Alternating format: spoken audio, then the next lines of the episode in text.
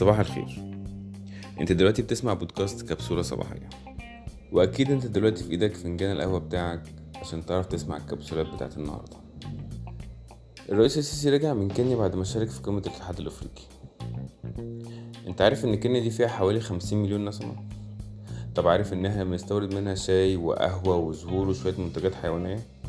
ده غير المانجا والأناناس والمكاديميا اللي عاملة زي البندق دي وامبارح سمعت سفير مصر في كينيا سفير وائل نصر الدين إن كينيا بيطلع منها طيارة كل يوم لهولندا علشان زهرة ال tulip ده غير إن عندهم غاز وذهب وألماظ وفحم وبيصنعوا الأسمنت وأثاث وملابس.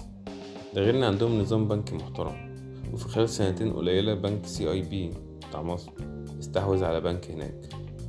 فأنا مش عارف ليه مش بننتشر في بلاد زي دي أو في أفريقيا عامة ونستثمر فيها وننفع ونستنفع. ده غير السياحة في أفريقيا والسفاري والحيوانات والمناظر الطبيعية المرعبة اللي هناك. يعني من الآخر كل حاجة موجودة. الكبسولة التانية.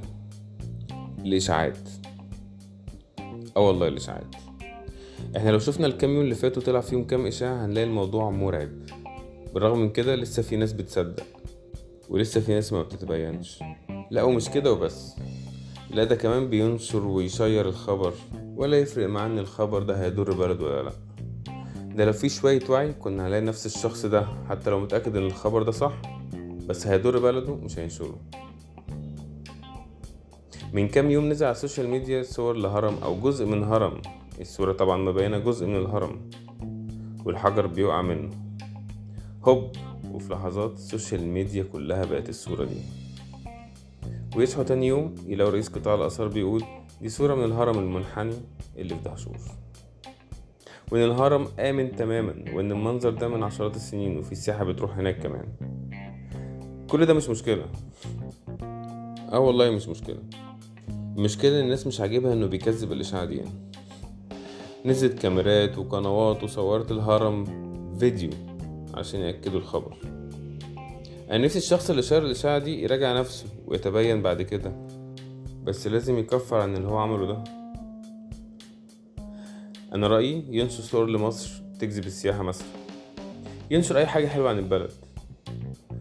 بس والله هتفرق معاه هو أكتر ما هتفرق مع البلد كمان. طبعا ده غير الإشاعة بتاعت إن الأشجار النادرة في حديقة الأورمان بيحرقوها وبيقطعوها علشان أعمال التطوير. وتيجي بعد كده وزارة الزراعة تنكر ده. يا جماعة ده لا دين ولا عقل ولا منطق يخلينا نصدق ونمشي ورا الإشاعات بالمنظر ده. من كام يوم عربية داخلة على كمين شرطة واللي في الكمين بيشاور له عشان يقف. عادي طبيعي. سبحان الله ما وقفش. فكان رد فعل ظابط الكمين إنه طلع سلاح وضرب نار على العربية. وللأسف السواق اللي في العربية مات. قوم إيه؟ الناس والقبيلة تتجمع قدام اسم سيدي براني بمرسى مطروح. وبسبب التجمع واحد من قوة الاسم مات. قوم إيه تاني؟ الظابط يتحبس.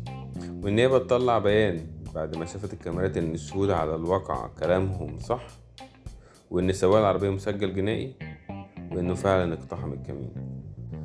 أما بقى بالنسبة للرياضة كان عندنا امبارح ماتش الأهلي ومقاولين العرب. طبعا يعني من غير ما أقول النتيجة طبعا معروفة الأهلي زي ما عودنا أربعة واحد للأهلي. والماتش التاني كان الزمالك وفاركو. واللي خلص اتنين اتنين بعد ما كان الزمالك كسبان اتنين صفر.